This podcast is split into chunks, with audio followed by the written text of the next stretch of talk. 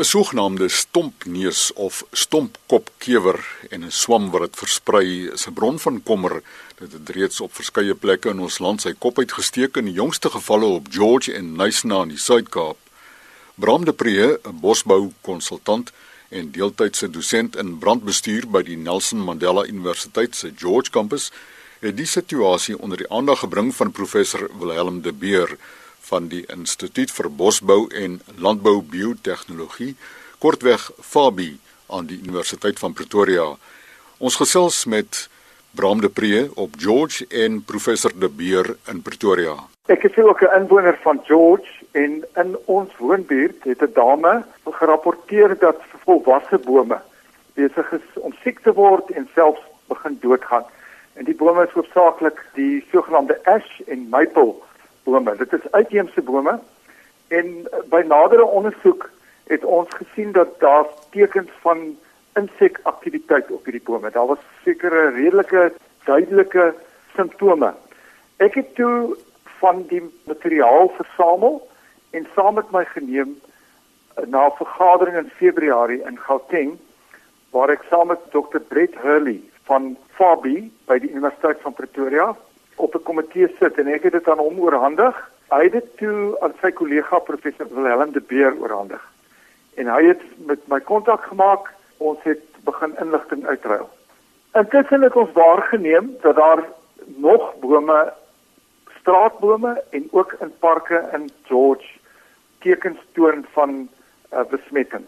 Ek het dit ook onder die aandag gebring van die hoof van parke en bosse van die George munisipaliteit en hy het onmiddellik die erns van die saak besef. Ek het hom toe ook uh, vertel van professor Willem de Beer en ons het saam besluit hy moet uh, dringend George besoek.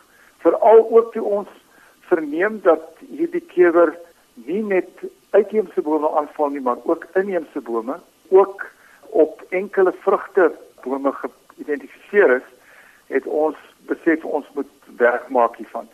Professor De Beer het goedgunstiglik in sy baie besige program tyd uitgeruim om George op die 12de April te besoek en hy het ook Nysna aangedoen.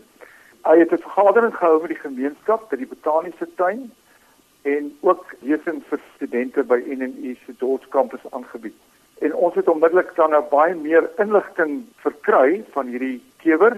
Hy het ook gegaan en monsters geneem en waarnemings gedoen op verskeie plekke in George en hy het van die besmette materiaal versamel en saam met hom geneem uh, na uh, Pretoria vir verdere ontleding en bestudering. Hy het aan my genoem dat dit omtrent 90% seker is dat dit wel hierdie betrokke kewer is wat bekend staan as die Polyphagus shothole borer of 'n as dit in Afrikaans genoem stompkopkewer. Intussen is ons besig met bewusmaking hier op George om dit onder die lede van die publiek se aandag te bring as ook in die landboukringe sodat mense bewus is en kan uitkyk hiervoor. Ons maan egter mense om nie oorhaastig op te tree nie want besmette materiaal kan versprei word deur bome af te saag en dit net op plekke te gaan stort. Die munisipaliteit is reeds besig om te kyk na geskikte stortingsterreine waar van die materiaal dan uh, gestort kan word en uitgebrand kan word op hierdie stadium is die grootste poging wat ons kan aanwend is monitering, waarneming, kartering van waar hierdie kewer voorkom en waar sy simptome opgemerk word. Ons het eers daar in die botaniese tuine op George River rondgeloop en gekyk na na 'n paar boomsoorte daar. En van daar af het van die munisipaliteit se manne ons uitgevat na van die straatbome toe in George. Dit wat ons sien is is maar tipiese simptome wat ons assosieer met hierdie ek weet nie wie die naam gegee het nie, maar die stompkopkewer in Afrikaans. Die Engelse naam is die Polyphagus shuttleborer en dan sy swam in George in die strate het ons byvoorbeeld uh, platane gekry ook van die eiser spesies, so die die sogenaamde maples, um, wat baie swaar geïnfekteer is. Volgende dag as ek Nysna toe, daar het ons 'n klomp baie groot akkerbome gesien en dit is baie duidelik dat die ding al 'n geruime tyd in die omgewing is daar akkerbome wat reeds dood is en groot akkerbome wat nie in proses is om dood te gaan, maar dan ook platane wat ernstig geïnfekteer is en 'n paar ander boomsoorte. So Februarie rond verlede jaar het 'n kollega van my wie se taak dit is om die botaniese tuine in Suid-Afrika te verken vir siektes en insekte op die bome daar. Dr. Trudy Pop sê dit in Pietermaritzburg by die botaniese tuine daar op plataanbome het sy die eerste simptome gesien van hierdie kewers uit van die materiaal teruggebring na ons laboratoriums toe en ons het toe bevestig met DNA toetse dat dit wel die kewer is waarvan ons nou praat en ook die spesifieke swam. Sedertdien het ons die ding ook gevind in hartswater en later ook in die omgewing van Pietermaritzburg buite die stad op ander spesies. So die ding is definitief besig om te versprei. In Januarie hierdie jaar het ons 'n oproep gekry uit Sandton uit van 'n paar privaat maatskappye wat bome vel daarso en hulle het gesê ons moet asseblief kom kyk daar's 'n ernstige probleem. Dit was ook duidelik dat in Sandton die kewer en die swam al ten minste vir 2 jaar aan die beweeg is. Nou mense sal vra hoekom het ons nie die ding vroeër opgetel nie? Ons navorsing is hoofsaaklik vir die bosbouindustrie en dan ook vir sekere vrugtegewasse soos avokado met die makadamia manne en so aan. So ons het nog nie die probleem daar opgetel nie maar ons is baie bewus van die kewer en sy swam omdat dit groot probleme in Israel en Kalifornië veroorsaak het die afgelope 8-9 jaar veral in die avokado industrie. So ons het nou op die ander plekke het ons dit nou al alles bevestig met DNA toetse. Ons is nou besig met die toetse vir George en Nysna, maar van wat ek sien daar is ek redelik oortuig dat dit dieselfde ding. Dit kan dalk 'n suster spesies van die kewer wees wat soortgelyk lyk en soortgelyke simptome veroorsaak, maar in terme van waar hy vandaan kom, is alle aanduidings dat die kewer uit Suidoos-Asië kom. Presies hoe hy in Suid-Afrika aangekom het, sal ons nooit heeltemal kan bevestig nie. Maar die goed versprei tipies met pallette. Pallette is gewoonlik goedkoop hout wat onbehandel is en wat baie keer dan geïnfekteer is met die kewer se larwes. En nou kom die goed in ons hawes in. Daar is tientalle skepe wat elke dag in ons hawes inkom met verskriklik baie houers van hierdie behoudingsskepe en duisende pallette.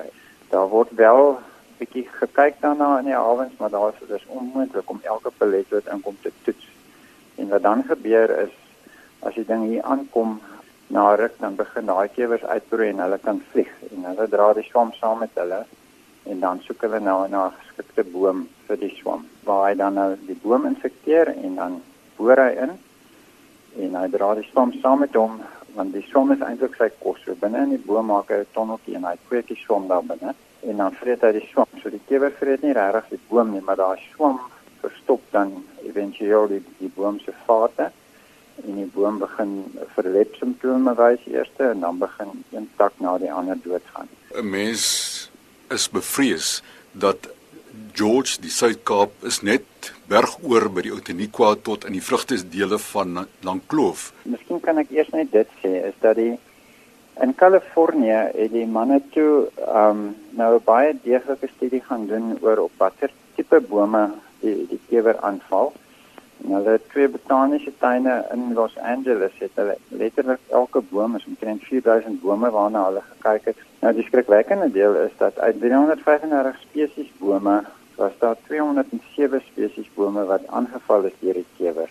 Nou dit is heeltemal ongewoon. Ons van ons ervaring in die bosbou en die vrugtebedrywe is hierdie goed redelik spesifiek tot 'n spesifieke genus, byvoorbeeld dennebome of bloekombome en baie selde kry jy 'n ding wat so verskriklik baie bome aanval. Die goeie nuus is dat hy maak nie al daai bome dood nie.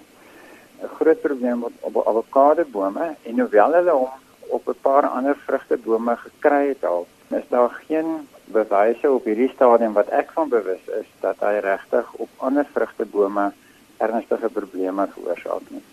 So ek dink die ouens wat wel bietjie bekommerd is en ons werk reeds sedert vroeg verlede jaar saam met die avokado industrie te monitor in van die groot uh, areas van Suid-Afrika. Uit die aard van die saak moet mense dophou en kyk vir die tipe simptome op hulle bome en as daar enige iets is wat lyk na 'n sewertjie, moet mens kyk daarna. Maar ek dink nie ons hoef ons verskriklik te bekommer op hierdie stadium oor weet oor 'n gewone stafte vrugte tipe van goed en dan ook oor sitrus nie hoewel uh, hy daarop gerapporteer is Um soos ek gesê het, is daar nie bewyse dat dit ernstige probleme daar veroorsaak nie. Is die simptome oral dieselfde? Nee, dit is nogal 'n probleem met die kewer op die verskillende tipes bome omdat hulle sulke verskillende tipes bas het, kan jy kan die simptome nogal drasties verskil. So op plataanbome byvoorbeeld die eerste infeksies as mens in die strate afry en sandpin dan lyk dit of daar vuil breinerige water of sap op die bome afgeloop het, maar dit is net 'n 'n vlek, dit is nie asof dit blink of iets soos hars nie. Later van tyd op die platane dan verander daar waar hy ingebore het en dan maak hy amper 'n knoetsie daarso, so dit lyk of hierdie bome met haal geweer geskiet is op avokado bome is dit heeltemal 'n ander simptoom. Daarso, hulle praat die Amerikaners praat van 'n sugar fountain. Daar waar hy sap uitstoot by die gaatjie van die kewer, kristalliseer die suiker in die sap en hy maak 'n spierwit bladsy op die boom. Dit lyk amper soos foamus. Um, so jy sien hierdie wit kolle op die stamme van die avokado bome.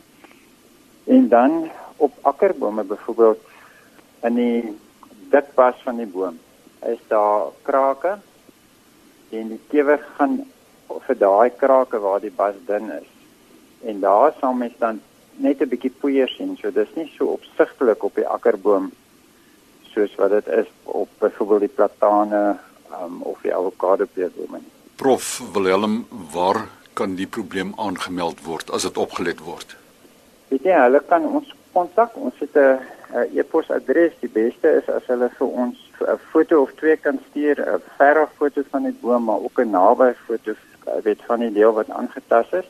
Die e-posadres is diagnostic d e a g n o s t i c clinic c l i n i c at fabi f a b i www.ip.ac.za. So mondvol. Bram de Pre is 'n bosboukonsultant, ook verbonde aan die Nelson Mandela Universiteit op George en professor Wilhelm de Beer van Fabi aan die Universiteit van Pretoria. Die e-posadres diagnostic.clinic@fabi.ip.ac.za. Groete.